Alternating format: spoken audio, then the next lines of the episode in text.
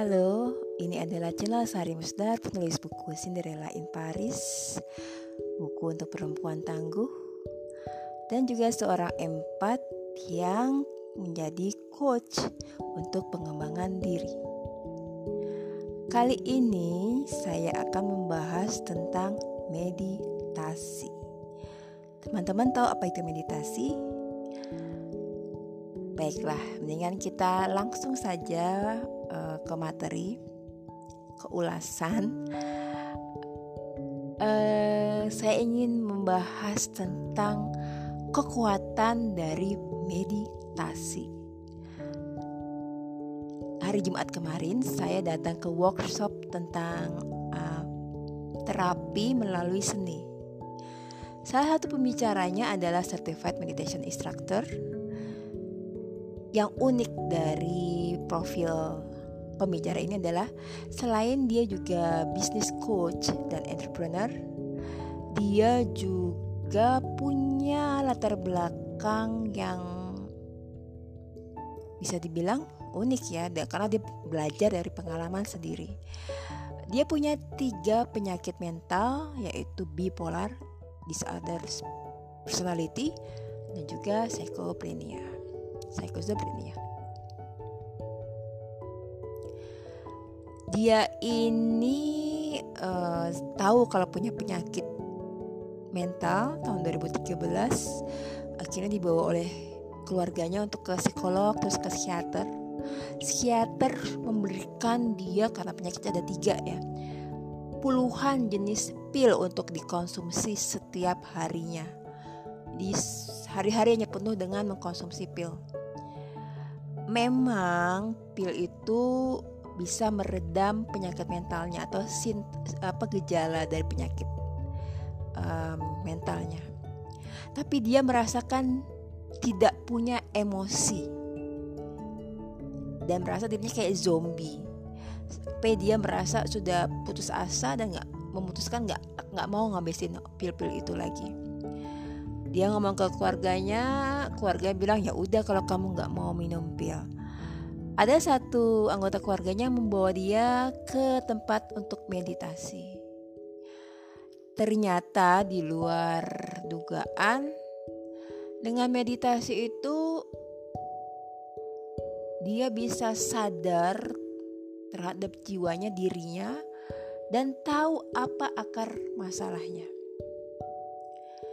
Balik lagi ke masa kecil, dia cerita. Jadi umur 10 tahun dia pernah mengalami pelecehan seksual dari laki-laki dewasa. Si laki-laki dewasa ini bilang bahwa apa yang dia laku, apa yang si laki-laki dewasa ini lakukan adalah wujud dari kasih sayang seorang laki-laki dewasa kepada anak kecil laki-laki. Karena dia juga nggak paham apa yang dilakukan laki dewasa itu benar atau salah. Dia nggak dapat pendidikan apa sex education sebelumnya. Dengan santai dengan gaya anak kecil dia ceritalah apa yang dilakukan si laki-laki dewasa itu kepada dirinya. Reaksi orang tuanya bukannya sedih atau uh, langsung bicara ke laki dewasa tapi reaksinya dia mereka menertawakan seolah-olah itu adalah cerita khayalan dari uh, si anak kecil ini. Karena dia nggak paham, sebenarnya salah ini siapa sih? Saya, keluarga saya, uh, sorry, dia, keluarga dia, atau si laki-laki dewasa. Maka dari umur eh, uh, 10 tahun hingga 15 tahun dan selanjutnya yang ada dalam dirinya adalah dia menyalahkan dirinya sendiri. Dia merasa nggak berharga karena orang lain laki dewasa menguasai dirinya melakukan pelecehan seksual dan dia tidak bisa melakukan apa pun dan keluarganya tidak bisa menolong atau mensupport dia dan dia merasa semuanya semua kesalahan kalau ada orang yang jahat ke dia atau orang melakukan pelecehan seksual ke dia itu adalah kesalahannya dia sehingga orang hingga or dia merasa dia menarik orang untuk berbuat jahat ke dirinya dia. Seiring bertambahnya umur, semakin dia dewasa, karena dia tidak merasa tidak berdaya, setiap muncul orang jahat yang ingin menjahati dia atau ingin melakukan pelecehan seksual lagi ke dia, muncul satu kepribadian yang berlawanan yang untuk melindungi dirinya hingga dia punya tiga kepribadian di dalam satu tubuh. Tadi kan saya bilang dia punya tiga penyakit mental ya. Selain itu dia juga punya bipolar. Jadi dia ini sangat ekstrim, sangat bahagia, euforianya sampai ekstrim. Pernah katanya dia belanja sehari habis 10 juta dan dia nggak sadar. Pas bangun, kok dia ngeliat banyak barang dan itu bukan barang yang untuk dirinya gitu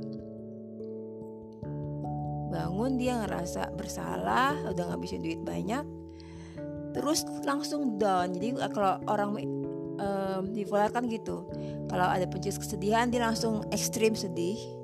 Sampai reaksi dia adalah nggak mau keluar rumah berhari-hari dan ingin bunuh diri.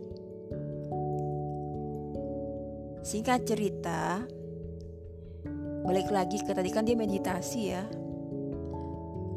Setelah meditia, meditasi karena dia sadar ada apa fokus ya kalau meditasi itu kan fokus dia tahu akar masalahnya. Kenapa sih saya jadi punya penyakit bipolar? Saya punya uh, dia sorry dia punya penyakit bipolar dia punya uh, apa namanya? Psiko psikofrenia dia punya uh, kepribadian banyak. Akhirnya dia tahu awal atau akar masalah semua itu awalnya adalah dari sejak umur dia 10 tahun dia mengalami pelecehan seksual keluarganya menertawakan dia, tidak percaya bahwa itu ada kejadian sebenarnya, dia merasa bersalah, dia merasa kotor, dia merasa tidak berdaya, dia merasa dialah yang menarik orang untuk berbuat jahat ke dirinya. Akhirnya setelah meditasi rutin, uh, dia sembuh dari ketiga jenis penyakit mental tersebut. 2017. Itu adalah cerita salah satu kisah testimoni ya mungkin ya uh, orang yang akibat rutin meditasi akhirnya tiga penyakit mentalnya bisa sembuh. Saat misalnya saya bilang tentang meditasi, biasanya teman-teman yang saya muslim suka nanya-nanya, kan kita udah sholat, kan lo udah sholat, ngapain sih mesti meditasi? Kalau mau jujur teman-teman, di antara mungkin puluhan, ratusan, ribuan kita melakukan sholat sejak kita balik, ya sejak kita remaja, berapa kali sih kita benar-benar sholat khusyuk? Jujur aja ya, saya juga ngerasa seringnya itu kita sholat hanya untuk menggugurkan kewajiban. Yang penting saya sholat, misalnya yang penting kita sholat lima kali sehari ya atau jadi sholatnya jadi kelihatan bagus kalau dilihat orang misalnya. Atau sholatnya buru-buru ya dengan segala kesibukan kita. Entah itu wanita karir entah itu pelajar entah itu ibu rumah tangga. Kita tidak menyiapkan jiwa kita untuk hadir saat sholat. Sehingga saat sholat itu mungkin sholatnya hanya 24 jam sehari. Sholatnya lima kali cuma lima menit atau mungkin gak ada lima menit. Yang penting kita hanya gerakan apa berdiri ruku sujud duduk. Tidak ada kehadiran jiwa. Kita nggak sadar apa yang kita baca. Kita baca Bismillahirrahmanirrahim berapa kali tapi kita tidak tahu apa itu Rohim dan Rohman kita bengis misalnya. Kita bilang Allahu Akbar tapi kita sombong uh, merasa diri kita Tuhan kadang-kadang menghakimi orang-orang di sekitar kita. Kita nggak paham apa ya surat yang kita baca apa sih bacaan di setiap gerakan sholat. Kita tidak menghayati itu semua. Jiwa kita tidak hadir terus melayang-layang ke mana-mana. Kita tidak menikmati sholat. Yang penting aduh pokoknya ini langsung selesai. Karena gue masih ada meeting lagi anak gue rewel dan segala macam. Pikiran juga ke mana-mana kadang-kadang ingat oh tadi belum di ini ini uh, apa namanya tugas gue. Atau oh si tadi kayak masak lupa dikasih garam nih atau atau ingatan yang lainnya. Nggak fokus nggak istilahnya orang zaman sekarang mindfulness kebalikannya saat meditasi biasanya kita disiapkan dulu nih. Kita grounded ke bumi terus kita menyiapkan diri diri senyaman mungkin badan kita terus kita melakukan olah nafas menarik nafas dengan hitungan. Jadi kita sadar saat menarik nafas itu terus mungkin ditahan atau langsung dihembuskan atau kita seolah-olah menghembuskan sambil membuang bagasi luka batin trauma dan lain-lain yang ada di dalam tubuh kita. Saat meditasi sambil olah nafas kita sadar akan hadirnya diri kita di ruangan tempat kita meditasi. Kita sadar akan jiwa kita hati kita. Kita sadar misalnya kalau ada pikiran ternyata saya masih ada dendam ternyata saya belum memaafkan misalnya orang tua saya ternyata saya uh, masih ada rasa sedih ternyata saya belum bisa melepaskan uh, perasaan galau dan lain-lain. Atau mungkin saat kita sudah bisa melepaskan semua itu, maka muncul rasa bahagia yang sebahagianya dan juga rasa bersyukur atau ikhlas. Semua itu bisa muncul saat kita meditasi. Jadi, saya ingat lagi kepada suatu moto ya bahwa orang yang mengenal dirinya, terutama jiwanya, dia akan mengenal Tuhannya. Kalau dia mengenal dirinya atau jiwanya sebagai orang yang pengasih dan penyayang, dia akan melihat Tuhannya sebagai Tuhan yang pengasih dan penyayang.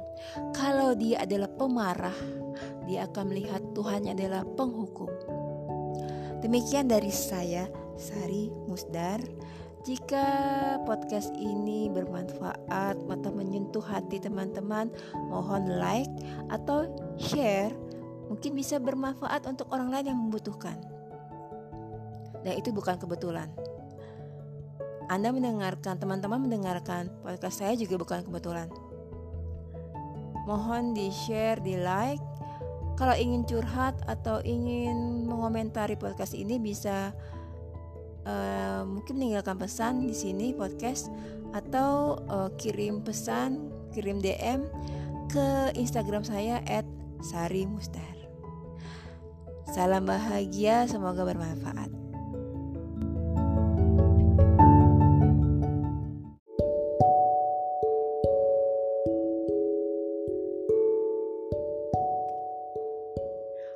Salam bahagia. Ini adalah channel Sari Musdar, penulis novel Cinderella in Paris dan juga coach untuk pengembangan diri. Masih dalam tema meditasi, teman-teman pasti ingat film Kung Fu Panda dengan kata inner peace-nya. Kalau Kung Fu Panda bisa menemukan inner peace, maka saya yakin teman-teman juga bisa mendapatkan inner peace antara lain adalah dengan meditasi. Nah, meditasi ini memang dasarnya sih dari tradisi yoga. Tapi kalau menurut saya pribadi tidak ada hubungannya dengan iman atau agama seseorang karena manfaat meditasi ini bagus ya untuk mendapatkan uh, ketenangan, untuk mengenal siapa diri kita, dan bisa mendapatkan uh, keseimbangan dan kesabaran. Karena kenapa? Karena menurut uh, ilmu pengetahuan, manusia itu dalam sehari bisa ada tercetus di otaknya puluhan ribu pikiran.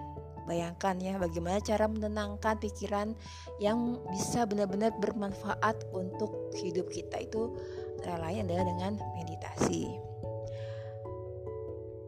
kalau dalam tradisi yoga meditasi itu melibatkan konsentrasi dan relaksasi ini adalah pelatihan pikiran proses belajar untuk memusatkan perhatian pada satu hal sebagai cara untuk menumbuhkan ketenangan, keseimbangan, dan kesabaran. Jadi meditasi itu bukan artinya kita uh, melepaskan pikiran atau uh, tidak sadar ya. Kita tetap harus sadar dalam meditasi itu kita harus sadar atas kehadiran kita di present time.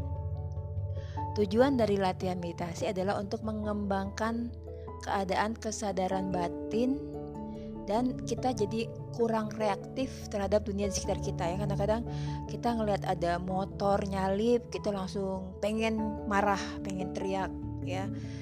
Uh, baca status di medsos kita pengen reaktif pengen komen yang kasar juga seperti itu.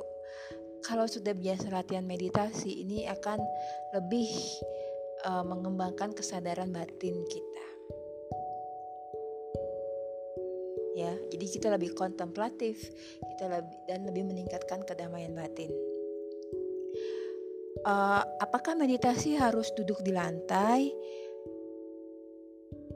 Intinya meditasi ya bukan hanya apa ya, bukan hanya latihan fisik, bukan hanya tentang duduk bersila, grounding, uh, dengan mata tertutup di lantai, tapi bisa juga melakukan dengan banyak cara. Misalnya uh, kita lagi naik kereta macet dan kemudian dapat tempat duduk, kita bisa duduk asal kakinya nempel, duduk dengan rileks.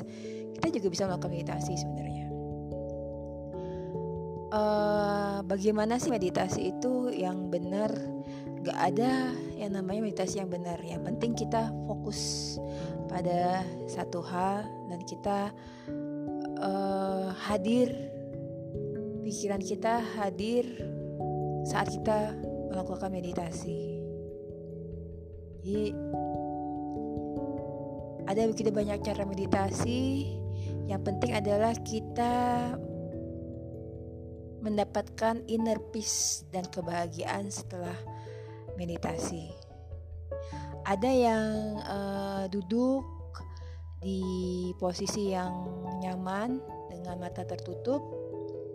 Ada yang duduk di kursi tapi kakinya tidak disilangkan ya kaki tetap nempel di lantai. Ada yang melakukan meditasi di outdoor misalnya di uh, pegunungannya sejuk. Ada yang melakukan meditasi di grup besar. Ada yang meditasi dengan musik atau dengan guided uh, meditation. Tapi ada juga orang yang melakukan meditasi uh, dengan mata terbuka misalnya. Jadi tidak ada aturan, lakukanlah yang menurut teman-teman itu nyaman dan bisa rileks dan bisa fokus pikirannya. Dan dalam meditasi kita juga bisa menentukan kita mau fokus ke mana. Misalnya uh, kalau saya Waktu itu saya ingin kasih pelatihan dan saya gugup. Saya fokus ke uh, cakra throat, cakra tenggorokan saya di tenggorokan supaya bisa saya bisa komunikasi dengan baik ke peserta pelatihan saya misalnya. Uh, kita juga bisa misalnya fokus ke favor warna favor favorit misalnya uh, warna biru atau warna ungu dan lain-lain atau kita membayangkan uh, foto video yang membawa kedamaian. Misalnya kita membayangkan air terjun gemericik air terjun pantai pantai senja di pantai lain-lain. Atau kita fokus ada beberapa orang yang meditasi dengan fokus ke pernapasan ya. Kalau yang meditasi yang pernah saya ikuti empat hitungan menarik nafas, tujuh hitungan ditahan, uh, delapan hitungan nafas dihembuskan pelan-pelan. Ada yang seperti itu. Ada yang fokus ke inner silence. Ada yang fokus mungkin ke uh, kalau di Islam misalnya kita fokus ke Allah dengan zikir di dalam hati misalnya ada yang fokus ke cakra kayak tadi saya bilang saya fokus ke cakra throat karena saya akan presentasi atau saya akan memberikan training ke banyak orang ada yang fokus ke mungkin wajah sesuatu yang disayangi misalnya ke kucingnya misalnya.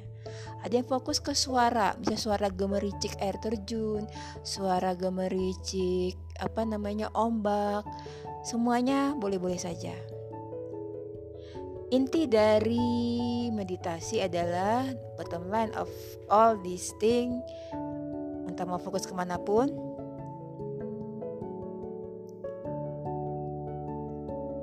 misalnya kita bisa juga misalnya lagi jalan-jalan di taman kita hanya fokus ke satu bunga sakura misalnya yang warnanya uh, pink itu juga bisa meditasi. Bisa juga pas kita lagi di ruang tunggu dokter kita meditasi dengan fokus ke uh, nafas kita itu juga bisa. Semuanya bisa dilakukan. Jadi meditasi bukan berarti duduk diam bersila uh, sendirian. Jadi bisa dilakukan dalam banyak hal. Yang penting kita rajin dan rutin melakukan meditasi di tengah kesibukan kita ya. Kadang-kadang kita itu sehari penuh 24 jam kita tidak fokus ke dalam inner self kita. Kita sibuk mikir ina itu, ina itu, melakukan ina itu itu untuk orang lain, tapi kita tidak fokus untuk diri sendiri. Nah, inilah pentingnya meditasi. Anda bisa melakukan, teman-teman bisa melakukan walau hanya satu menit, lima menit, yang penting rutin. Kalau memang rutin nanti akan ada hasilnya, inner peace. Nggak bisa langsung baru sekali dua kali meditasi uh, berharap ada hasilnya. Contohnya saya saya dulu itu sering migrain uh, setelah rutin meditasi migrainnya bisa dibilang jarang ya jarang kambuh sekalipun mau mendekati mens. Juga saya radang tenggorokan. Efeknya tidak hanya ke kesehatan tapi misalnya uh, saya jarang radang tenggorokan Terus untuk komunikasi saya juga bagus karena kan cakra di tenggorokan ini uh, throat chakra uh, bagus untuk kesehatan di sekitarnya dan juga untuk uh, kemampuan komunikasi seperti contohnya public speaking. Nah, Kenapa sih orang-orang uh, melakukan meditasi? Meditasi itu ada banyak ya, misalnya untuk fokus pada menjadikan pikiran mereka untuk relaksasi atau untuk mencapai keadaan tenang. Atau bisa juga menggunakannya sebagai praktik spiritual supaya bisa terhubung ke uh, ke Tuhannya atau ke zat yang lebih tinggi. Kalau dalam Islam ya kita memang sudah sholat lima kali ya, tapi uh, coba ditanya ke diri sendiri berapa kali dalam sehari kita bisa fokus? Atau dalam hitungan mungkin dari ruku sujud uh, duduk berapa detik kita fokus hanya ke Allah? Ya. alasan lainnya adalah orang melakukan meditasi untuk manfaat penyembuhan. Tadi kan saya bilang uh, kalau saya dulu radang tenggorokan sering banget gampang banget sekarang udah nggak ada udah nggak pernah alhamdulillah Tujuan utama meditasi apa sih? Tujuannya adalah untuk mengembangkan kesadaran batin uh, dengan pikiran yang penuh perhatian, terus menjaga fokus ke kita ke dalam, lebih ke dalam. Ya karena kita biasanya fokusnya keluar, keluar, keluar, ngurusin orang lain, uh, reaktif dan lain-lain. Jadi dengan meditasi kita bisa belajar menenangkan pikiran karena tadi kan sehari itu bisa puluhan ribu pikiran yang muncul di dalam otak kita, di dalam otak kita. Terus kita juga akan melepaskan diri dari indera lima indera kita. Dengan kita melepaskan dari lima indera kita, kita akan lebih fokus ke indera keenam atau six sense. Yang lainnya adalah mencapai kondisi terjaga tanpa gangguan dari luar. Kita sadar akan diri kita di present time, di saat ini, detik ini, uh, dan kita tidak terganggu dari dunia luar. Jadi saat ada orang mengganggu kita, kita tidak terdistraksi. Terus kenapa sih harus meditasi? Meditasi itu kan tujuan dasarnya adalah untuk mencapai kondisi pencerahan.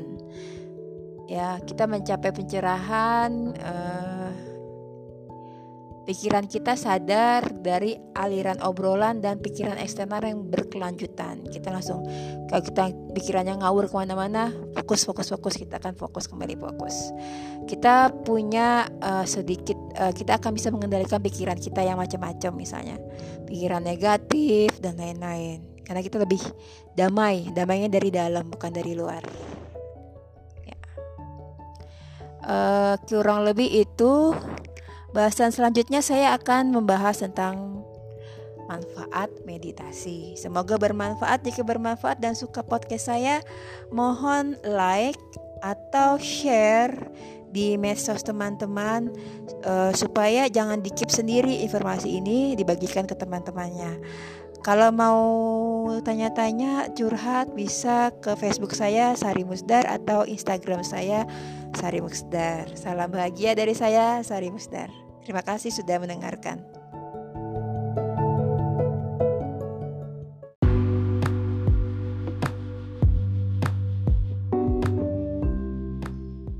Hola, salam bahagia ketemu lagi dengan channel Sari Musdar, penulis novel Cinderella in Paris dan coach pengembangan diri. Channel Sari Musdar biasanya memuat opini pribadi uh, tentang self love, traveling, digital marketing, pengembangan diri dan yang tentu saja tadi saya disebutkan adalah tentang self love. Masih dengan tema meditasi. Uh, yang bagian pertama saya berbagi cerita tentang testimoni manfaat meditasi dari seorang instruktur meditasi yang sembuh dari tiga jenis penyakit mentalnya antara lain bipolar dan uh, split personality. Yang kedua adalah tentang bagaimana sih cara melakukan meditasi. Apakah harus menyendiri duduk bersila atau grounded uh, dan uh, menangkap semua pikiran ataukah bisa uh, meditasi bareng-bareng atau meditasi hanya di taman melihat bunga sakura atau seperti itu. Yang ketiga saat ini saya mau membahas tentang apa manfaat meditasi. Uh, sebenarnya tentu saja banyak manfaat meditasi. Ibaratnya uh, salah satu manfaat yang terpenting adalah kita akan mencapai tujuannya adalah mencapai pikiran yang harmonis, terkonsentrasi, fokus atau mindful dan tenang. Nah, untuk mencapai keadaan seperti itu, kemampuan seperti itu tentunya bukan hal yang mudah dan cepat. Harus rutin latihan meditasi. Yang paling bagus adalah pagi hari atau kalau misalnya mau membantu untuk menenangkan pikiran supaya bisa tidur nyaman uh, sebelum tidur.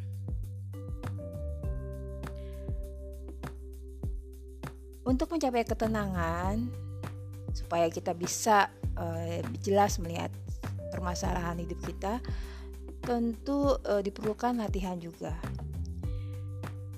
Uh, mari kita uh, bayangin sebuah kolam kalau misalnya kolam itu dikasih angin dari segala arah itu adalah ibarat uh, aliran pikiran kita ya uh, di materi sebelumnya saya bahas tentang dalam sehari itu kita bisa berpikir puluhan ribu pikiran yang terlewat terlintas di dalam otak kita kalau kita tidak fokus, semua pikiran itu akan mengganggu. Kita nggak akan mengambil satu pikiran yang paling penting dalam mengambil keputusan. Seperti uh, tadi kalau di kolam yang tadinya tenang di, dikasih angin terus menerus yang besar dari segala arah, akhirnya itu akan merusak atau mengganggu permukaan kolam. Itu juga dengan uh, pikiran kita gelombang uh, stres, kekhawatiran, ketakutan, penyesalan yang terjadi masa lalu uh, kalau terjadi terus-menerus itu akan membuat kita tidak bisa melihat dasar kolam atau dasar dari diri kita atau pikiran kita dan dasar dari hati kita. gelombang yang terus-menerus kita biarkan ini akan mencegah kita mencapai kondisi pikiran yang harmonis, fokus, dan rileks. Bayangin aja kalau gelombang itu terus-terusan bertiup dari segala arah, dari eksternal, orang ngomongin kita kita dengerin, uh, ada hoax kita kita tanggapi dan segala macam. Itu akan membuat pikiran-pikiran acak muncul dan kita tidak bisa mengendalikan. Bayangkan lagi kalau misalnya permukaan da, permukaan kolam kita tenang, jernih gitu ya. Kita pasti akan bisa melihat dasar dari kolam oh ternyata di dasar kolam itu ada motif bunga-bunga warna indah misalnya. Kalau kita bisa melihat kedalaman dari diri kita, hati dan pikiran kita, terutama hati, itu akan menimbulkan uh, kecemerlangan diri kita. Aura yang terpancar dari dalam diri kita akan kita bisa lihat. Dan juga biasanya bersamaan dengan itu akan mengeluarkan potensi yang selama ini tersembunyi yang kita tidak tahu. Dengan keheningan, ketenangan, rileks, tanpa gelombang pikiran macam-macam, ketakutan, kekalutan, stres, kita bisa melihat ke dalam diri kita sendiri bisa menemukan keindahan dalam diri kita. Kalau kita bisa melihat keindahan diri kita, kita akan mencintai diri kita dengan mudah. Akhirnya kita akan menemukan yang namanya self love. Mirip ya dengan uh, Kung Fu Panda yang menemukan inner peace-nya. Gitu dia menemukan inner peace, uh, dia menemukan ketenangan, dia bisa melihat dirinya adalah sesuatu yang berharga, sesuatu yang dicintai uh, seperti kata um, siapa ya dalam agama Islam juga ada yang seperti itu ya kalau uh, Nabi Muhammad pernah bilang musuh yang paling berbahaya itu adalah diri kita sendiri atau nafsu kita sendiri.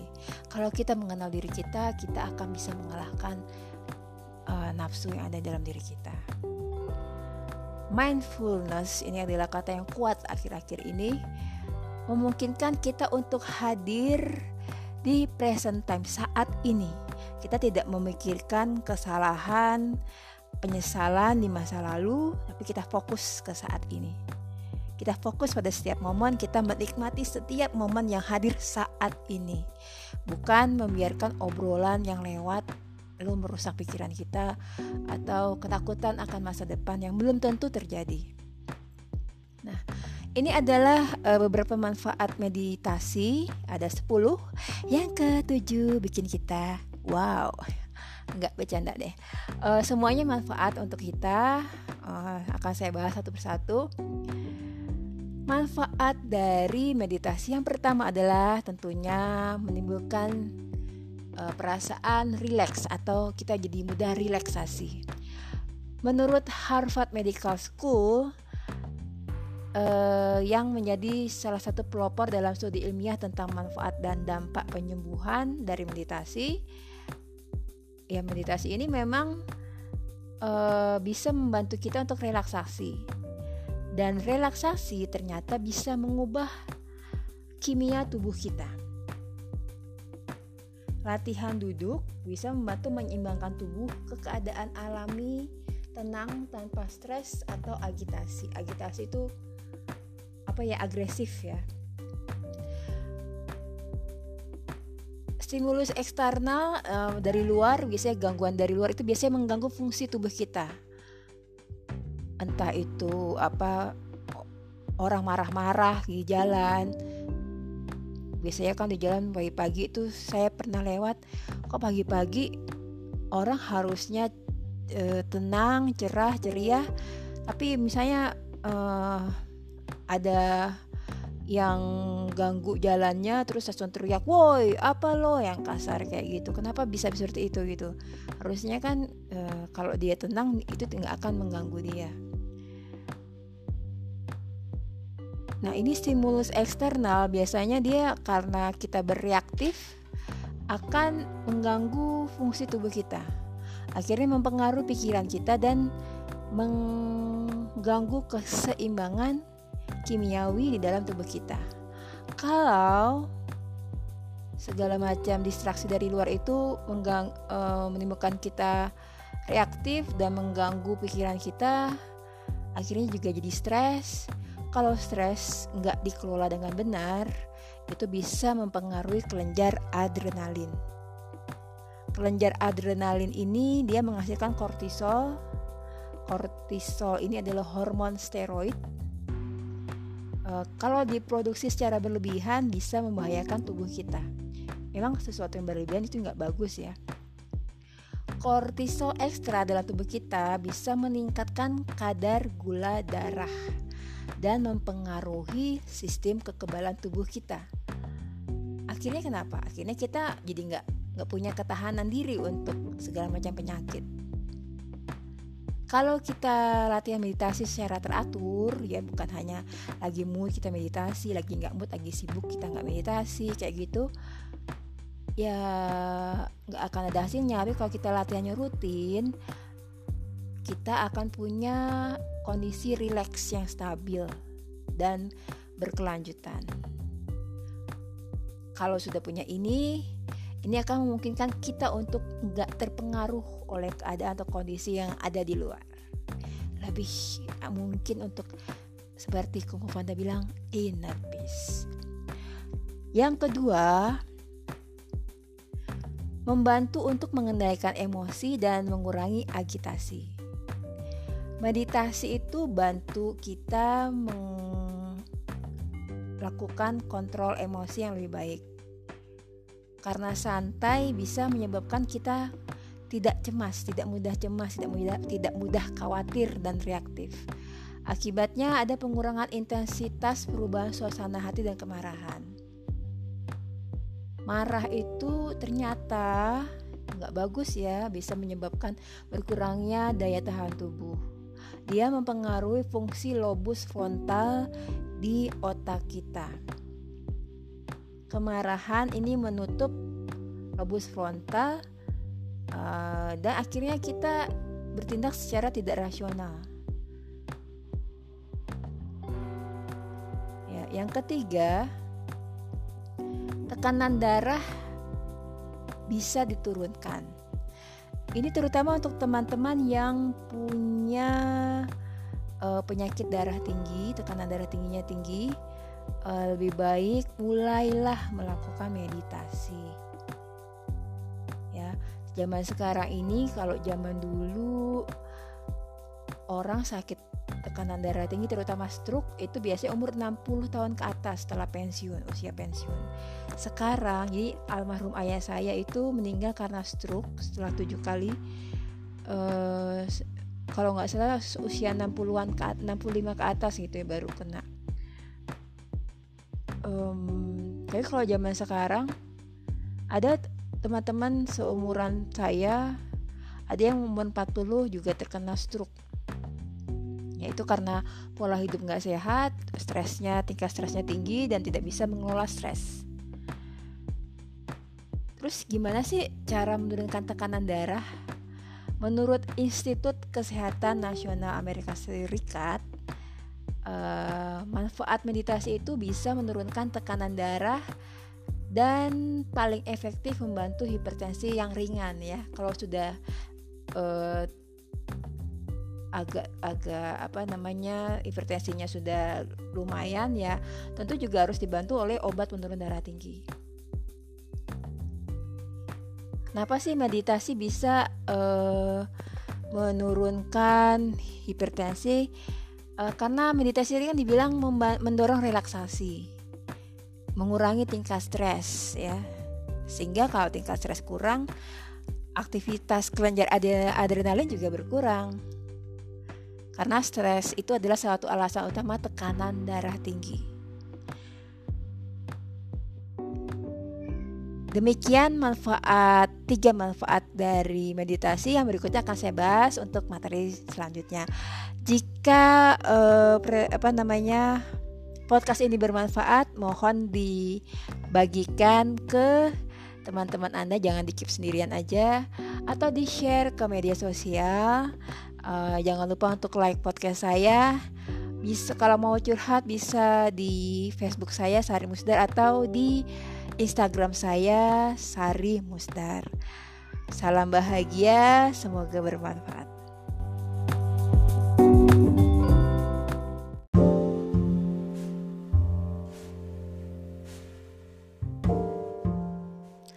Hola, salam bahagia ketemu dengan saya Sari Musdar, penulis novel Cinderella in Paris untuk perempuan tangguh dan juga coach untuk pengembangan diri. Channel Sari Musdar biasanya berisi tentang opini pribadi, pengembangan diri, self love, dan juga digital marketing serta traveling. Karena dulu saya pernah menjadi uh, saat ini kita ada di tema tentang meditasi. Ada tiga segmen sebelumnya. Segmen pertama tentang testimoni dari seorang instruktur meditasi yang bisa sembuh dari tiga penyakit mentalnya. Salah satunya adalah uh, salah duanya adalah bipolar dan uh, split personality. Bagian kedua tentang bagaimana sih caranya meditasi yang baik ya. Ternyata uh, bisa dilakukan dengan banyak hal. Yang ketiga adalah manfaat dari meditasi. Yang sebelumnya sudah dibahas tiga manfaat meditasi untuk kesehatan tentunya. Uh, saat ini kita lanjutkan lagi ya untuk yang uh, karena ada 10 manfaat meditasi sekarang kita bahas yang keempat dan selanjutnya. Manfaat meditasi yang keempat adalah menurunkan kolesterol darah. Ini penyakit yang cukup bahaya, ya di manusia modern. Saya juga dulu pernah waktu kerja di Papua karena jarang olahraga, makanannya daging-dagingan, jarang sayur uh, stres juga cukup tinggi. Akhirnya kolesterol saya tinggi saya harus minum uh, obat penurun dar kolesterol. Walaupun badan saya nggak gemuk ya tapi ternyata kolesterolnya tinggi banget di atas 200 nah uh, kolesterol itu adalah lemak yang menempel di mem membran sel lapisan sel kita Uh, dan sebenarnya dia membantu pencernaan dan dalam produksi vitamin D serta hormon untuk seksual. Uh, tapi kalau berlebih ya, memang sesuatu yang berlebih itu nggak bagus. Lebih ataupun kurang nggak bagus. Yang bagus adalah pas sesuai dengan kebutuhan. Kalau apa kolesterol kita banyak, kita mengkonsumsi lemak jahat dan masuk ke dalam darah kita, akhirnya dia akan menyumbat salur, saluran darah e, menumpuk dan menyebabkan berbagai gejala penyakit. Nah, kenapa sih kolesterol atau lemak jahat itu bisa berlebihan?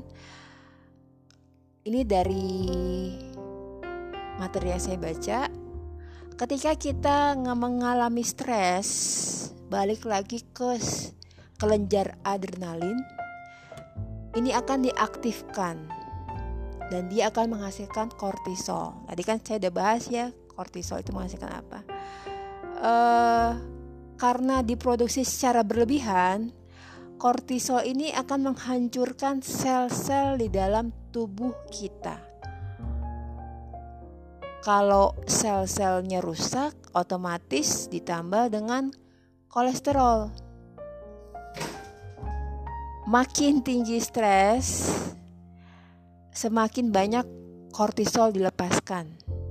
Akhirnya, semakin banyak sel yang rusak dan lebih banyak kolesterol yang menumpuk. Akhirnya mengganggu kerusak apa? Mengganggu kesehatan kita.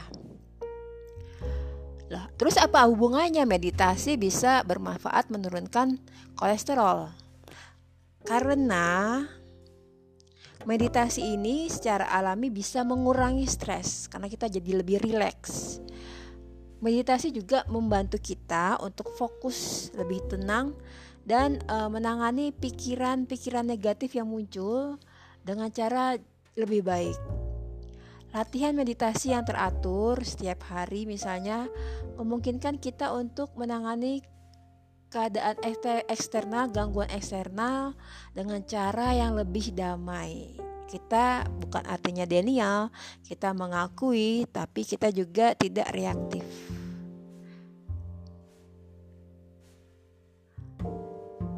Ketika kita dalam posisi uh, seimbang secara emosi, tidak reaktif, tubuh kita akan menghasilkan sedikit kortisol.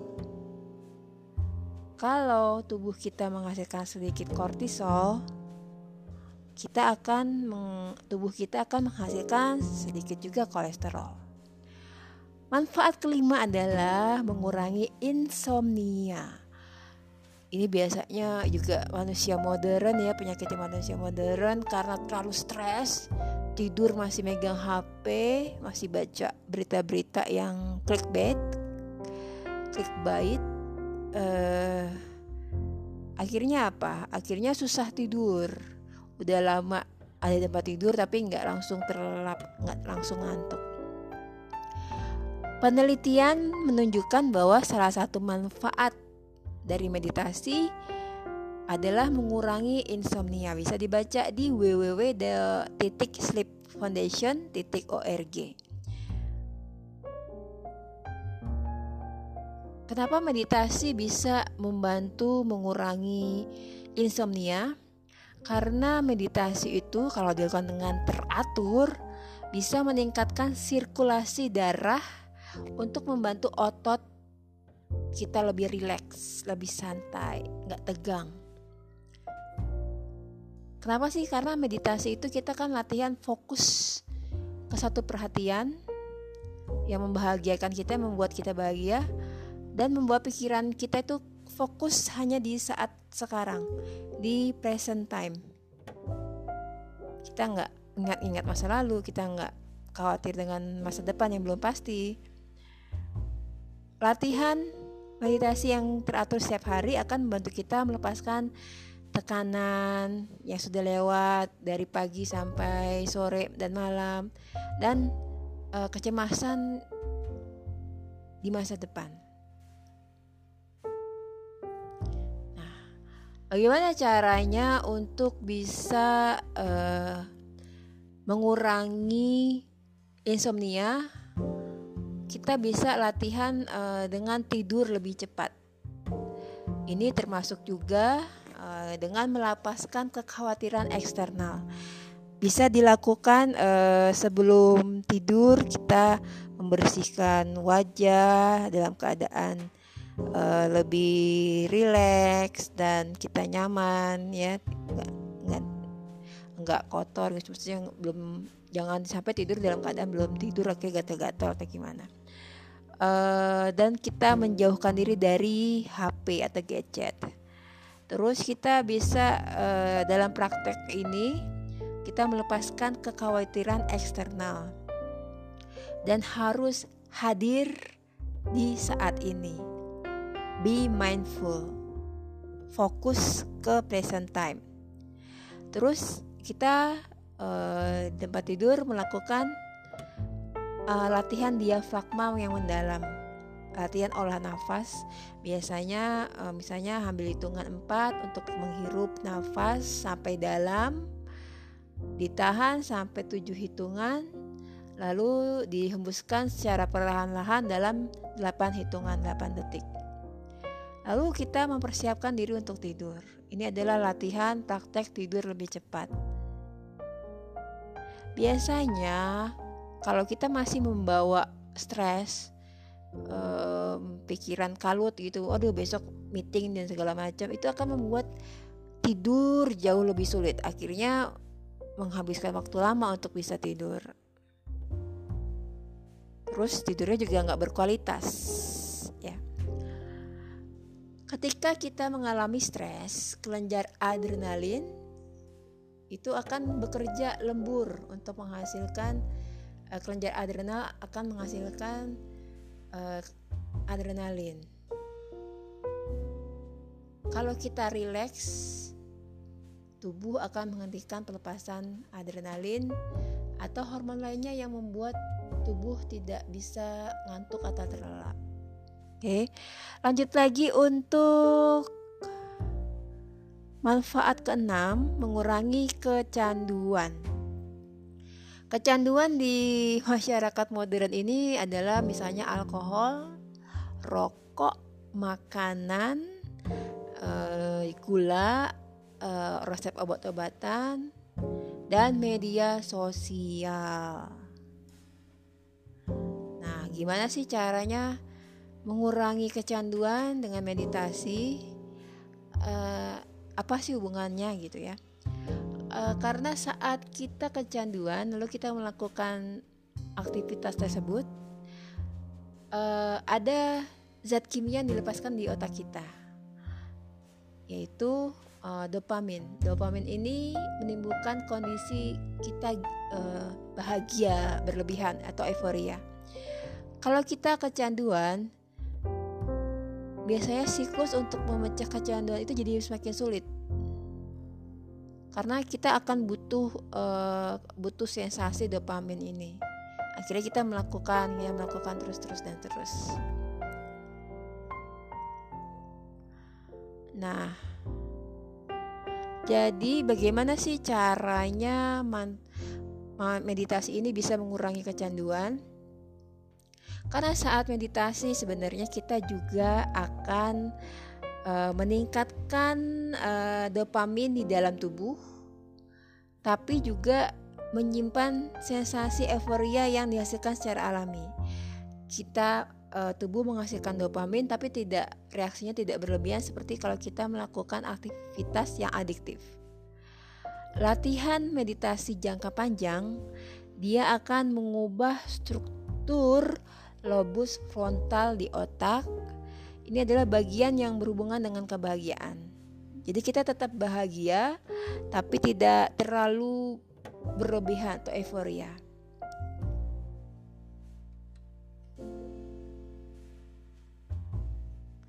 Manfaat yang ketujuh uh, adalah meditasi ini meningkatkan pencernaan terutama untuk yang sudah usia 40 ke atas ya.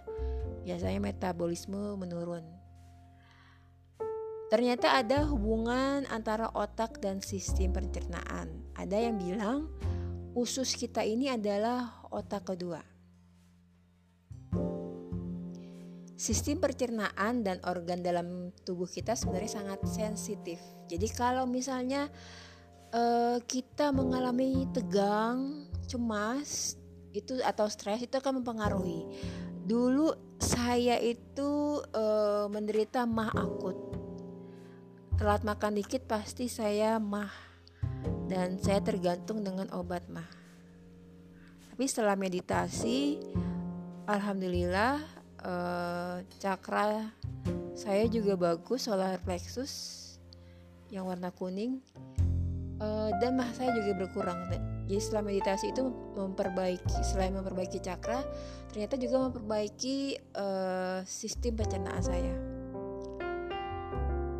Ya karena kalau kita stres itu akan mempengaruhi pencernaan kita. Gejalanya antara lain ini gejala saya banget. Kram, perut kram, kembung, kembung dan menghasilkan gas. Ya, ini adalah efek da samping dari kalau kita terlalu stres atau terlalu tegang, biasanya karena deadline pekerjaan uh, dan lain-lain ya. Sebagian besar uh, serotonin, hormon serotonin itu diproduksi di tubuh kita di bagian usus. Ya, ini dipengaruhi oleh stres. Dan akhirnya bisa menyebabkan banyak gejala termasuk alergi makanan. Jadi kalau misalnya ada alergi makanan mesti cek lagi nih. Karena apa? Nah, hubungannya dengan meditasi, kenapa sih meditasi bisa memperbaiki pencernaan kita? Karena saat tubuh rileks, tadi kan Manfaat pertama adalah relaksasi menimbulkan uh, menimbulkan tubuh yang rileks. Kalau tubuh kita rileks akibat meditasi yang rutin, sirkulasi darah dan kadar oksigen darah akan meningkat. Akhirnya pencernaan karena darah itu kan membawa zat makanan ya. Pencernaan juga membaik dan kadar serotonin akan stabil. Itu adalah manfaat eh, keempat sampai tujuh dari meditasi. Untuk manfaat berikutnya eh, 8, 9, 10 akan saya bahas di materi berikutnya. Terima kasih sudah mendengarkan. Semoga bermanfaat dan membuat bahagia. Kalau memang suka jangan lupa like, jangan malu-malu untuk like uh, dan share di media sosial teman-teman. Kalau ingin komentar atau curhat atau tanya bisa tanya saya di Facebook dan Instagram @sarimusdar. Jangan lupa like dan follow podcast saya serta Instagram saya @sarimusdar. Salam bahagia.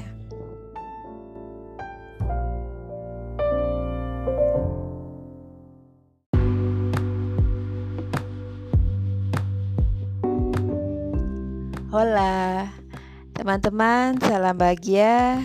Selamat datang di channel Sari Musdar.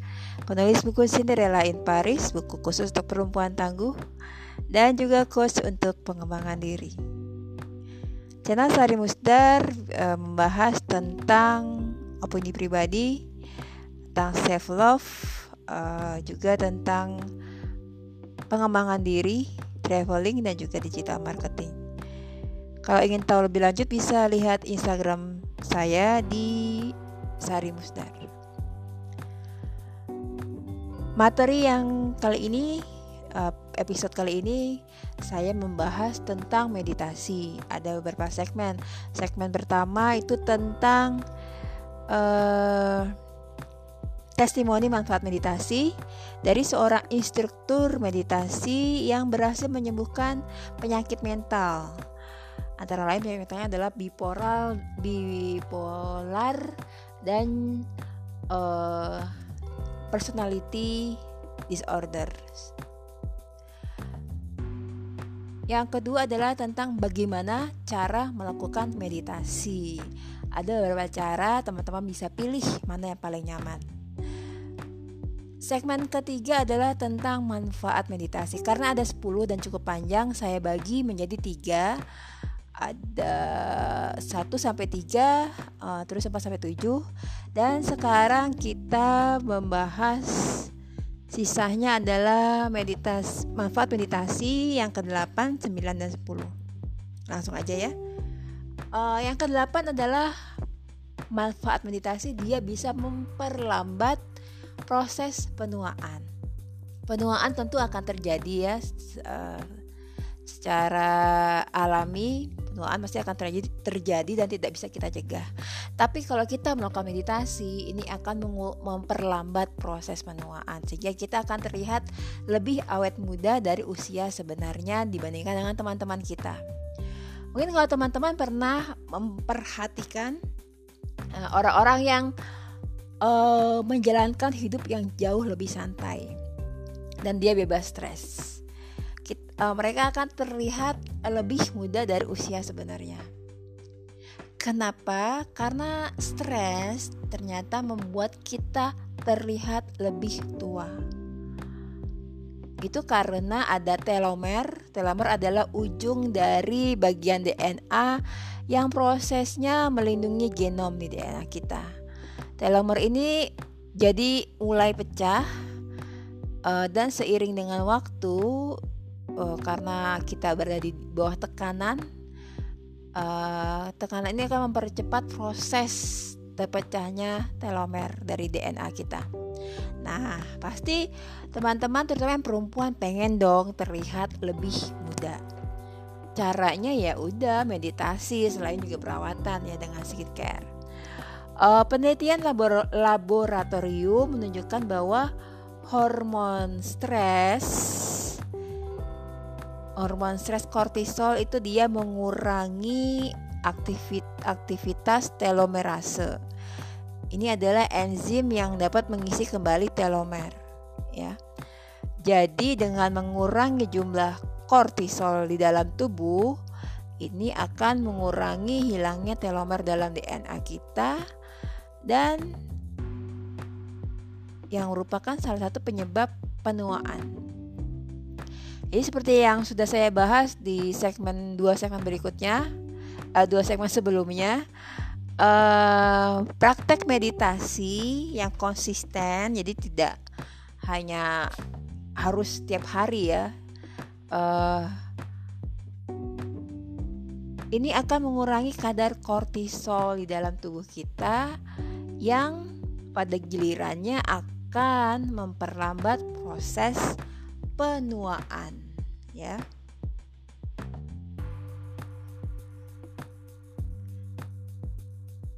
Salah satunya adalah dengan uh, melakukan kualitas tidur yang baik. Di teman-teman mesti tahu juga uh, seberapa baik sih kualitas tidur kita. Penelitian juga menunjukkan bahwa uh, meditasi punya lebih banyak aktivitas telomerase dalam sel darahnya. Berdasarkan penelitian, uh, ini menunjukkan meditasi bisa meningkatkan melatonin di dalam tubuh karena frekuensi dari gelombang otak selama meditasi. Jadi gelombang otak selama meditasi itu akan uh, membantu kita untuk meningkatkan melatonin. Melatonin ini terkenal uh, karena fungsinya untuk daya ingat, dan sistem kekebalan tubuh serta untuk membantu tidur yang nyenyak. Hormon tidur ini dan kekuatan antioksidannya mencegah pemendekan telomer.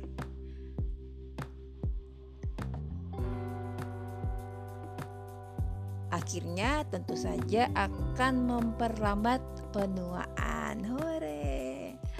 Jadi eh Tentunya cara mencegah penuaan dini adalah tidur yang berkualitas. Tidur yang berkualitas itu akan terjadi kalau gelombang frekuensi gelombang otak kita bagus akibat meditasi sehingga bisa menghasilkan melatonin. Melatonin ini bagus tadi sudah saya sebutkan untuk daya ingat, sistem kekebalan tubuh dan tidur yang nyenyak.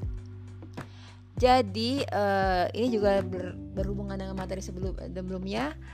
Uh, untuk tidur yang lebih baik, relaksasi dan akan terlihat lebih mudah, tentu mesti melakukan meditasi. Uh, ini kalau nggak salah ada artikel uh, pemenang hadiah Nobel yang membahas tentang meditasi terla ternyata bisa memperlambat penuaan. Jadi buatlah rutin, rutinitas meditasi setiap pagi hari. Yang kesembilan ini untuk yang sudah menikah. Meditasi ternyata bisa meningkatkan libido. Uh, karena apa sih? Uh, saya juga nggak tahu ya. Selama waktu tenang ini uh, akan menghasilkan kalau meditasi kan akan relaksasi, akan rileks dan selama rileks itu akan menghasilkan endorfin. Endorfin ini membuat kita nyaman dengan diri kita sendiri sehingga hmm, tentu akan berhubung akan menimba, menimba apa menyebabkan uh, seks yang lebih berkualitas. Meditasi juga akan meningkatkan frekuensi gelombang otak yang melepaskan hormon dehidroepiandrosteron. Ini adalah hormon untuk meningkatkan gairah seks kita dengan menormalkan kadar testosteron. Tingkat hormon yang tadi panjang itu atau disingkat DHEA dalam tubuh kita akan menurun seiring bertambahnya usia uh, dan juga tidak ada dorongan eksternal. Tapi ada berita baik nih teman-teman untuk yang sudah menikah. Hormon DHEE ini adalah salah satu zat yang benar-benar meningkat dalam tubuh kalau kita bisa mencapai keadaan atau kondisi relaksasi. Nah, kondisi relaksasi salah satunya adalah dihasilkan kalau sering rutin meditasi. Ya. Jadi buat teman-teman yang sudah menikah disarankan untuk meditasi. Kalau perlu meditasi bersama suami atau istrinya. Manfaat terakhir atau yang ke-10 adalah mengurangi uh, akibat dari PMS. Ini untuk yang perempuan nih ya. Uh, salah satu dari banyak manfaat meditasi adalah dapat membantu mengurangi gejala premenstrual syndrome biasanya dialami banyak perempuan uh, sebelum siklus mens ya. Uh, gejalanya emang nyebelin banget ya buat perempuan. Gejala PMS ini dapat muncul sebulan sekali dalam bentuk perubahan suasana hati, biasanya gampang marah. Istilahnya senggol bacok ya. Uh, terus kita ngidam makanan, pengennya yang pedes-pedes gitu ya. Uh, kepekaan emosional dibaper, rentan pemarah dan juga insomnia. Ini enak banget ya. Kalau dulu saya juga migrain biasanya sebelumnya, sekarang udah udah enggak sih. Cara kita mengelola pikiran, perasaan dan emosi kita dalam kehidupan sehari-hari uh, dan dengan menciptakan emosi yang positif, pikiran yang optimis dengan cara meditasi itu bisa ternyata bisa mengurangi gejala PMS. Ya, karena kan dari manfaat pertama dari meditasi adalah membantu kita ke kondisi relaksasi, tidur jauh lebih baik ya. Jadi mengurangi ketegangan otot.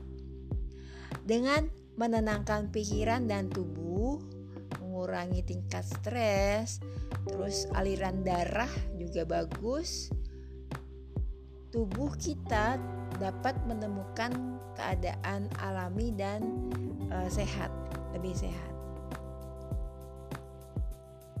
Jadi uh, berdasarkan hasil penelitian ternyata dengan mencapai keadaan rileks secara alami tanpa obat-obatan ya terbukti bisa membantu mengatasi kram, kembung, dan nyeri otot selama PMS. Nah, itu tadi adalah manfaat meditasi yang ke-8, 9, dan 10 melengkapi segmen berikutnya, segmen sebelumnya uh, dari 10 manfaat meditasi. Semoga bermanfaat dan jangan lupa untuk uh, segera praktek rutin meditasi karena manfaatnya sangat banyak, terutama untuk yang perempuan ya. Uh, demikian dari saya Sari Musdar. Semoga bermanfaat. Kalau bermanfaat dan suka jangan dipendam dalam hati, langsung like, posting di share di medsos teman-teman. Uh, bisa juga follow akun Instagram saya Sari Musdar. Salam bahagia dan semoga membawa manfaat.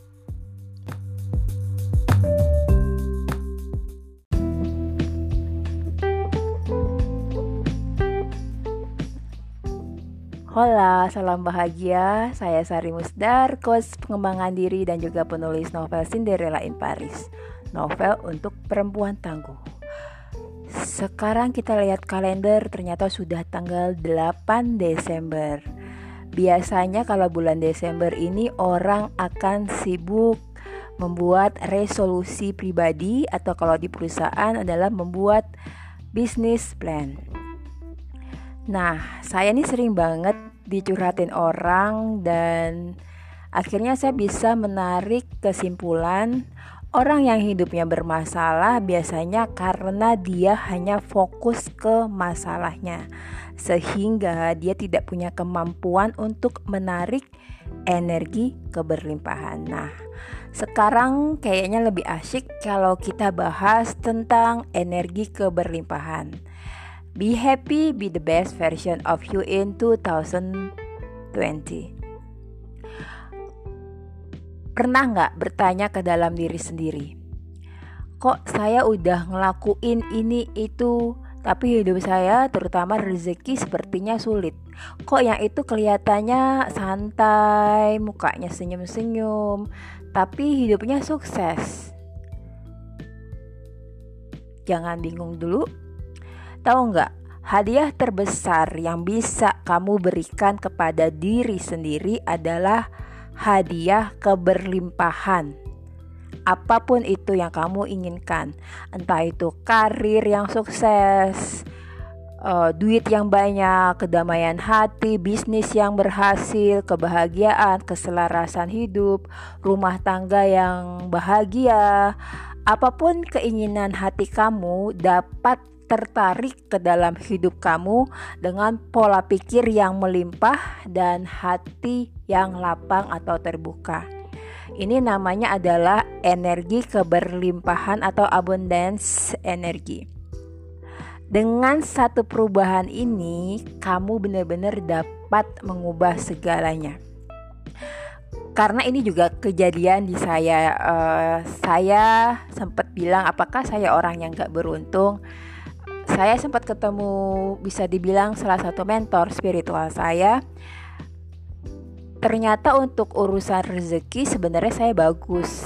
Uh, cuma kadang-kadang saya ragu, ragu seperti uh, ini bener nggak ya atau enggak uh, saya mampu nggak yang ngerjain ini atau ya semacam keraguan-raguan itu yang ternyata nggak bagus untuk menarik energi keberlimpahan saya termasuk juga di dalam soal hubungan atau urusan percintaan. Ini yang terjadi uh, di kita semua biasanya. Saat kita lihat orang yang kelihatannya kaya, sukses, bahagia, karirnya melejit, kita itu cuma melihat dari luar ke dalam. Seolah-olah kemakmurannya itulah yang membuat mereka bahagia. Dan kita hanya melihat sebatas kulitnya aja. Kan kita nggak tahu dia di luar kelihatannya santai tetapi dia menggunakan segenap energinya pikirannya untuk mencapai tujuan hidup dia. Kita hanya melihat luarnya aja. Terus kita langsung sayangnya reaksi kita bukan mencontoh apa yang di, mereka lakukan, tapi kita menjadi iri. Lalu kita mempertanyakan, kenapa Tuhan gak adil dan segala macam. Tapi ya kenyataannya itu justru sebaliknya. Apa yang terlihat di luar itu adalah cerminan dari realistis batin kita. Keberlimpahan itu dimulai di dalam diri sendiri dengan pikiran dan sikap kita dan dengan pola pikir yang tepat.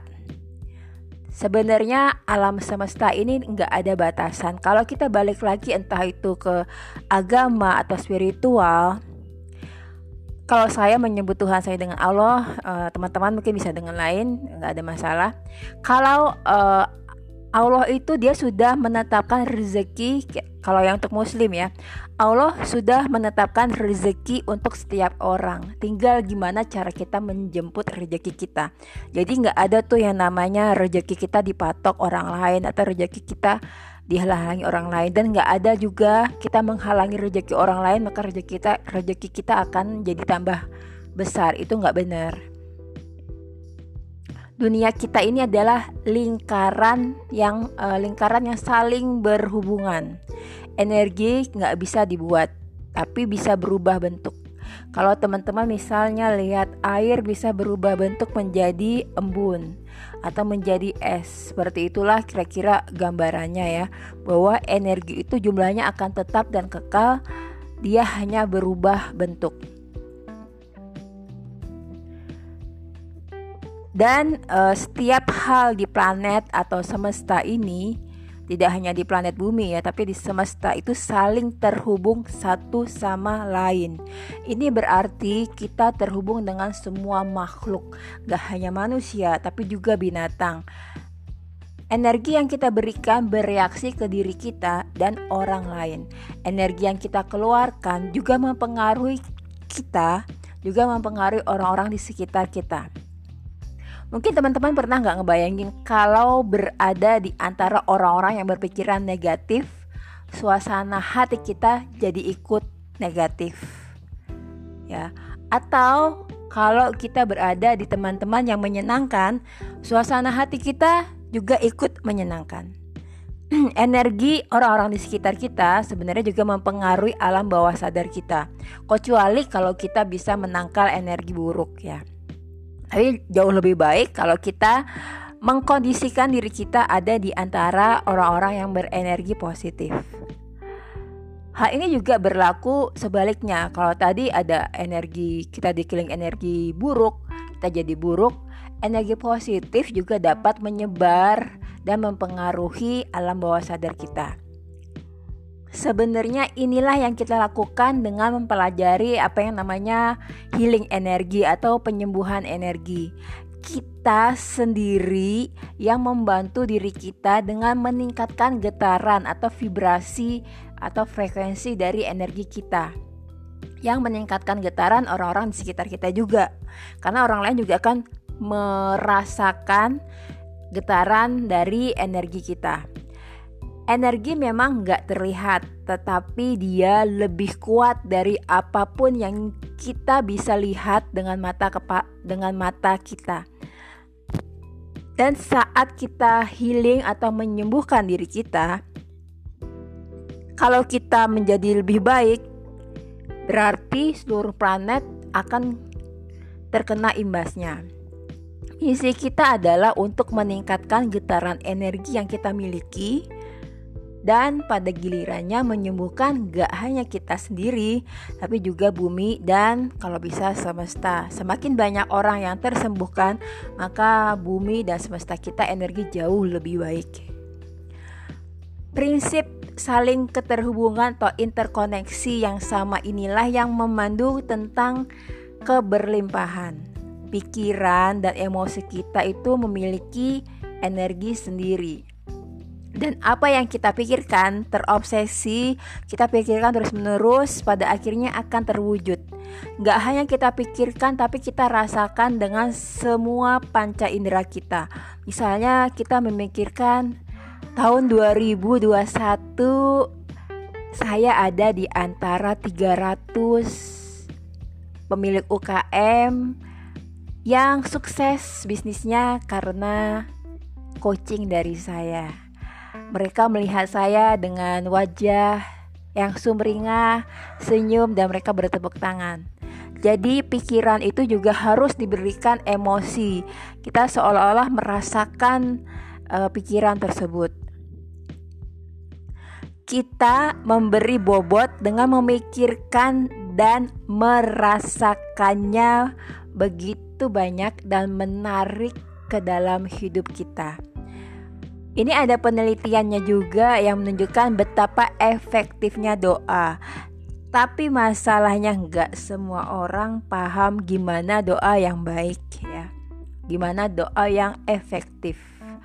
Pikiran dan emosi itu sebenarnya sama-sama mendorong energi itu hadir ke dunia yang tadinya hanya di dalam pikiran dan emosi yang tadinya intangible tidak terlihat atau tidak bisa dipegang menjadi terlihat dan bisa dipegang.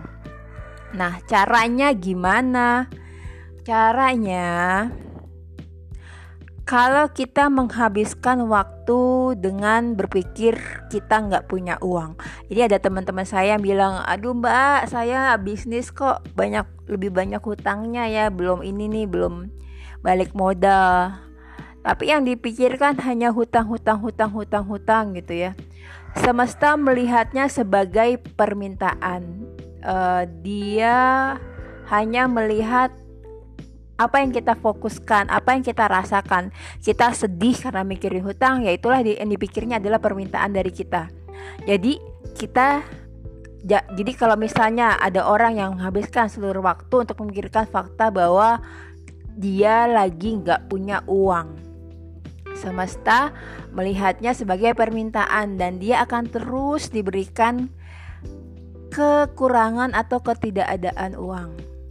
Kalau misalnya ada seseorang terus-menerus menyesali kenyataan bahwa dia nggak berada dalam suatu hubungan yang indah atau hubungan yang mesra, hubungan yang nyaman, dia akan sulit juga untuk menemukan dan akhirnya hanya menarik orang-orang yang menyebalkan.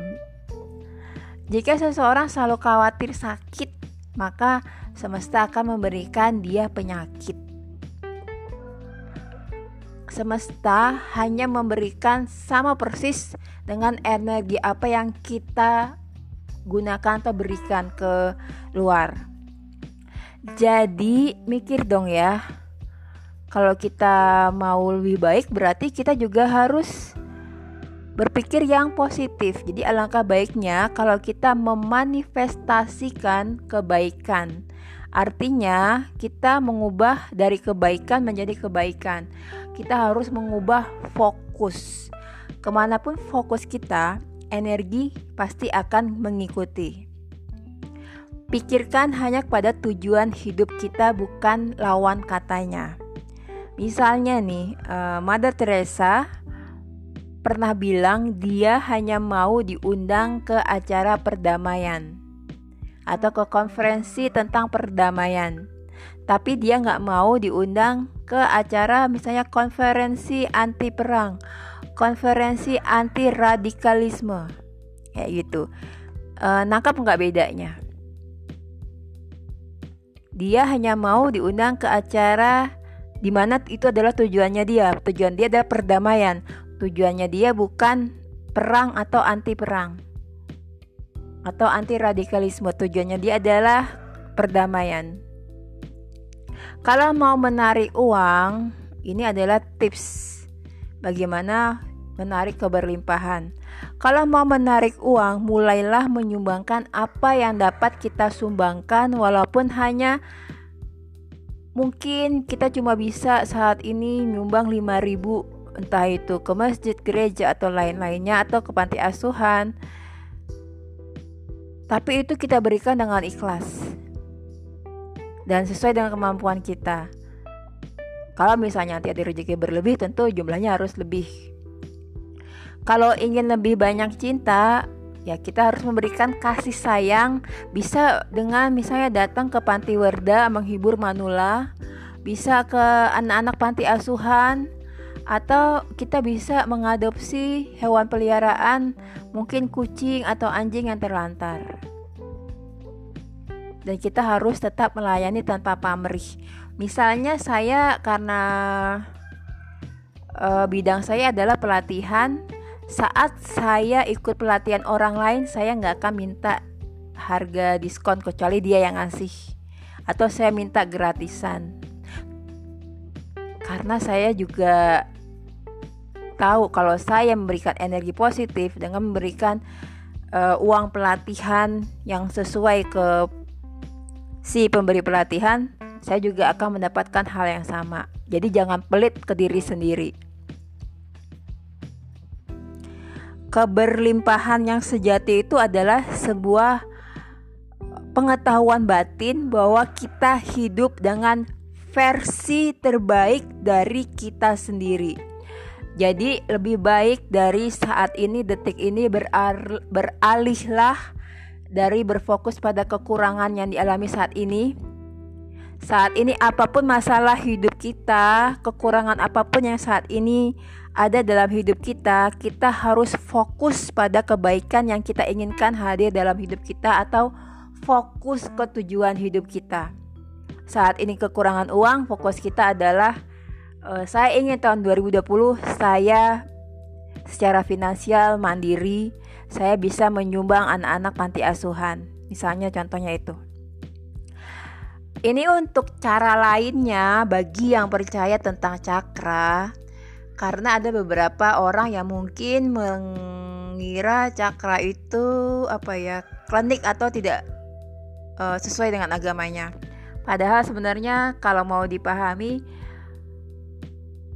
kita semua adalah energi, termasuk sel di tubuh kita. Dia tidak diam. Kalau uh, pernah di suatu TV ada ini kalau kita melihat diri kita kan kelihatannya padat ya, tangan kita kelihatannya padat, masif. Padahal dia adalah terdiri dari banyak sel. Dan setiap sel itu dia bergerak, berputar. sama dengan cakra. Cakra adalah lempengan energi, pusat energi dalam tubuh kita. Cakra yang utama ada tujuh, dari cakra akar sampai ke cakra mahkota atau crown. Itulah yang menggerakkan uh, hidup kita, tubuh kita. Kalau misalnya cakranya rusak atau tidak berfungsi, dia bisa mengakibatkan penyakit medis atau non medis. Misalnya uh, kalau di perut itu cakranya nggak bagus bisa sakit perut atau was-was. Balik lagi ini adalah tips lain untuk menciptakan keberlimpahan internal adalah dengan membuka cakra ketujuh yang berada di bagian atas kepala atau kita menyebutnya cakra mahkota atau cakra crown. Uh, cakra ini terhubung dengan pikiran, kesadaran, informasi, dan kecerdasan ilahi. Nah, ini biasanya kalau orang cakranya belum terbuka, mungkin dia religius tapi dia kurang memahami spiritual agamanya. Dia kurang memahami uh, Tuhannya. Nah, kalau misalnya cakra ketujuh ini jernih dan seimbang, bentuk lempengannya bagus, tidak ada retaknya, energi ilahi dapat mengalir dan dia akan lebih mudah untuk menarik keberlimpahan. Karena apa? Karena dia sudah ikhlas. Orang yang ikhlas biasanya akan mendapatkan apa pun yang dia mau. Sekian dari saya, semoga tahun 2020 bisa membawa kebahagiaan untuk kita semua. Kalau mau ikut pelatihan, uh, saya juga bikin pelatihan dengan teman saya, dia seorang prana healer bisa ikut pelatihannya tanggal 21 Desember di Mula Galeri Citos, Jalan TB Simatupang. Kita akan belajar cara membuat tujuan hidup, cara mencapainya, eh, mengenal diri sendiri, mengenal block self blocking atau self sabotage. Uh, sabotase diri sendiri biasanya itu berupa pikiran negatif dari diri kita sendiri yang akhirnya kita memblocking diri untuk mencapai tujuan hidup kita. Jangan lupa untuk like podcast saya atau share di media sosial teman-teman. Bisa juga follow akun Instagram saya @sarimusdar. Salam bahagia dari saya Sari Musdar.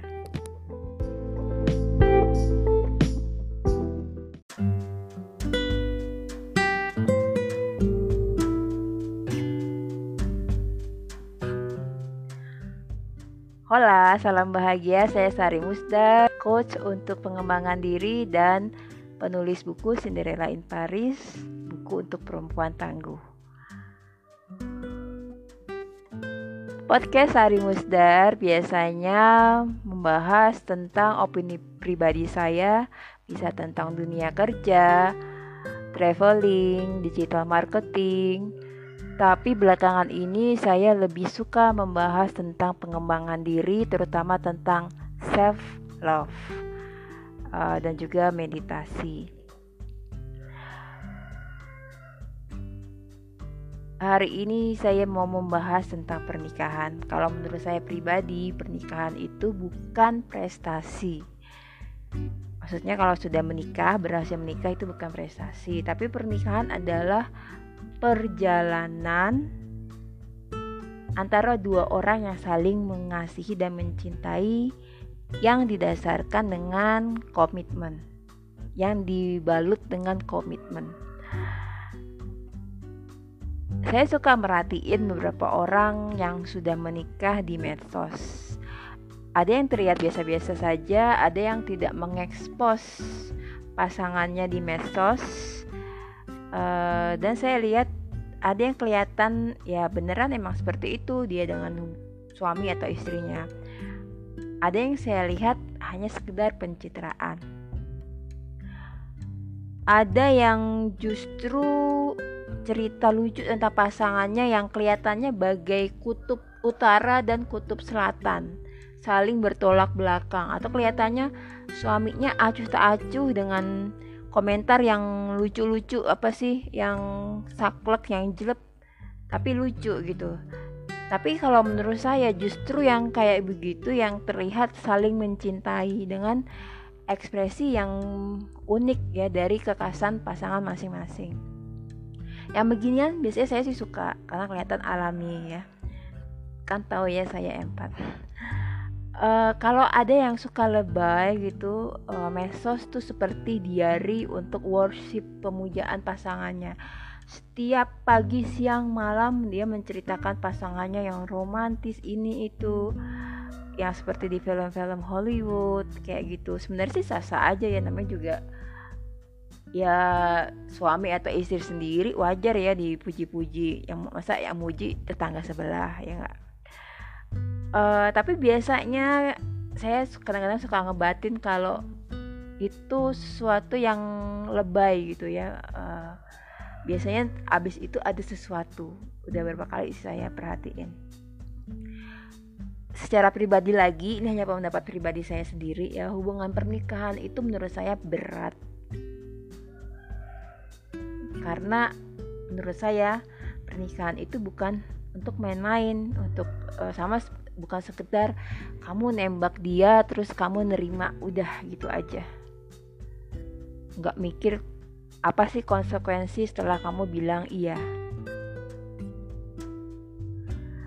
Ada orang yang punya prinsip orang lain nikah masa gue enggak? Ada yang mikir udahlah you jam I jam. Lainnya lagi mikir sebodoh lah kita jalanin aja.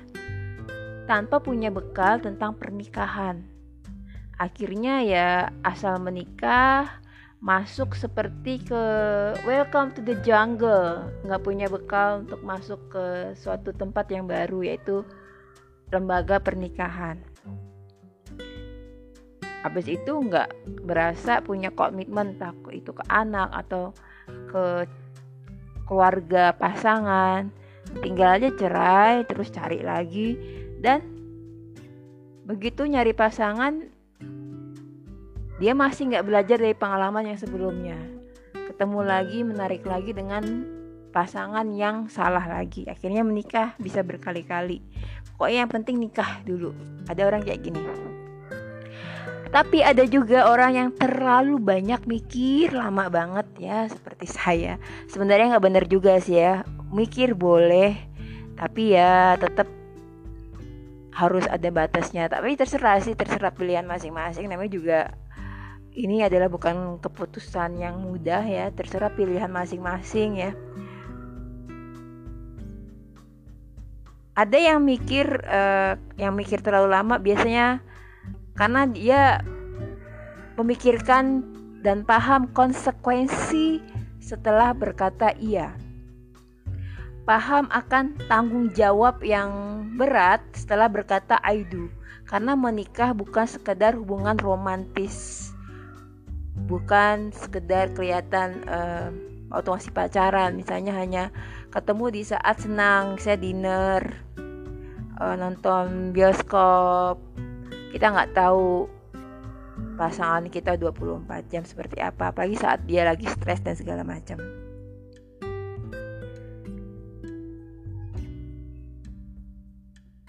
Karena setelah kita berkata ya saya terima nikahnya konsekuensi kita nggak hanya ke pasangan tapi juga ke keluarga pasangan kalau yang orang timur juga ke nanti kalau kita dikasih anak. Apakah setelah nikah terus kita uh, kita nggak suka sama pasangan bubar jalan kita nggak mikir perasaan anak? Apa benar setelah kita berkata saya terima nikahnya kita juga bisa jaga komitmen saat ada godaan laki-laki lain ini bagi yang istri atau godaan perempuan lain bagi suami. Biasanya setelah menikah ada krisis midlife, krisis paruh baya. Kita ketemu entah itu pas reunian dengan cem-ceman kita masa SMA atau ketemu di suatu tempat kursus dengan laki-laki atau perempuan lain yang jauh lebih menarik dari pasangan kita dan kita ini udah karena udah lama nikah terus ya suami atau istri lupa untuk menyanjung atau memberikan pujian ke pasangan. Terus ada orang lain yang jauh lebih menarik secara fisik dari pasangan kita atau secara fisik nggak terlalu menarik tapi mereka sangat memuji kita adore ke kita apa benar di saat yang seperti ini kita juga masih bisa bertahan dengan komitmen yang kita ucapkan di saat kita bilang saya terima nikahnya Ada lagi yang hanya ngejar status yang penting bisa berhubungan seksual secara legal. Setelah nikah terus gampang meninggalkan komitmen itu dan selingkuh sana sini. Ada yang ngejar status halal tapi dia tidak mencintai pasangannya atau untuk yang laki-laki enggak menghormati istrinya sebagai istri dan gak bertanggung jawab ke istri dan juga anaknya. Yang penting saya udah nikah, saya udah berstatus suami. Sama seperti yang single, single juga punya ujian. Entah itu dibully, dibilang gak laku, dibilang jelek lah, um, dibilang terlalu pemilih, lalu digodain laki-laki iseng buat yang masih buat yang perempuan single atau diuji oleh suami orang yang mendekati perempuan single dikira kalau single maka gampangan gitu ya menjual murah. Sama seperti yang single menikah juga diberi ujian tapi ujiannya tentu beda dengan yang masih single. Jadi kalau menurut saya karena mendapatkan status menikah itu bukan prestasi, tapi dia adalah pintu masuk untuk ke dunia lain yang ya nggak semuanya harus berat dengan komitmen tapi juga kan pasti ada senang-senangnya juga ya. Dengan pasangan dengan anak ada kebahagiaan juga. Jadi menikah itu bukan prestasi. Dia ada pintu masuk untuk ke dunia yang baru. Dunia yang penuh harusnya penuh kasih sayang dan diikat dengan komitmen. Komitmen dan tanggung jawab jadi kalau menurut saya lebih baik nikmati saja perjalanan pernikahan ini bersama pasangan tercinta. Saling menjaga hubungan memupuk perasaan cinta dan kasih sayang seperti itu. Dan nggak usah banding-bandingin dengan pasangan yang lain. Kita ngintip uh, media sosialnya orang lain. Kok yang itu suaminya lebih romantis ya? Kok yang itu suaminya lebih suka ngasih hadiah ya? Kok yang itu yang sebelah istrinya lebih cantik ya lebih uh, perawatan tapi dia nggak ngasih uang perawatan atau skincare ke istrinya? Jadi kalau kita nuntut istri tampil cantik, modis, awet muda, ya dikasih modal juga istrinya. Gak usah bandingin pasangan kita dengan pasangan orang lain karena waktu kita bilang saya terima nikahnya, kita menerima dia apa adanya, the whole packet. Dan gak usah juga ngasih tips ini itu, habis itu bubar jalan seperti uh, ustadz yang baru cerai. Justru biasanya saya perhatiin uh, orang yang sudah nikah puluhan tahun, entah itu 20, 30, 40 tahun, mereka lebih gimana ya, lebih santai, santuy menikmati pernikahan mereka dan mereka jadi seperti sahabat dengan pasangannya dan mereka nggak ngapain sih yang ngasih tips? Uh, orang mereka juga sadar selama mengarungi kehidupan pernikahan itu banyak riak-riak, banyak ujian dan segala macam. Ya gitu aja sih intinya. Buat yang sudah menikah atau yang belum menikah, kita sama-sama menikmati episode di dalam hidup ini dan harus tahu tanggung jawab. Entah itu sebagai single atau sebagai orang yang menikah.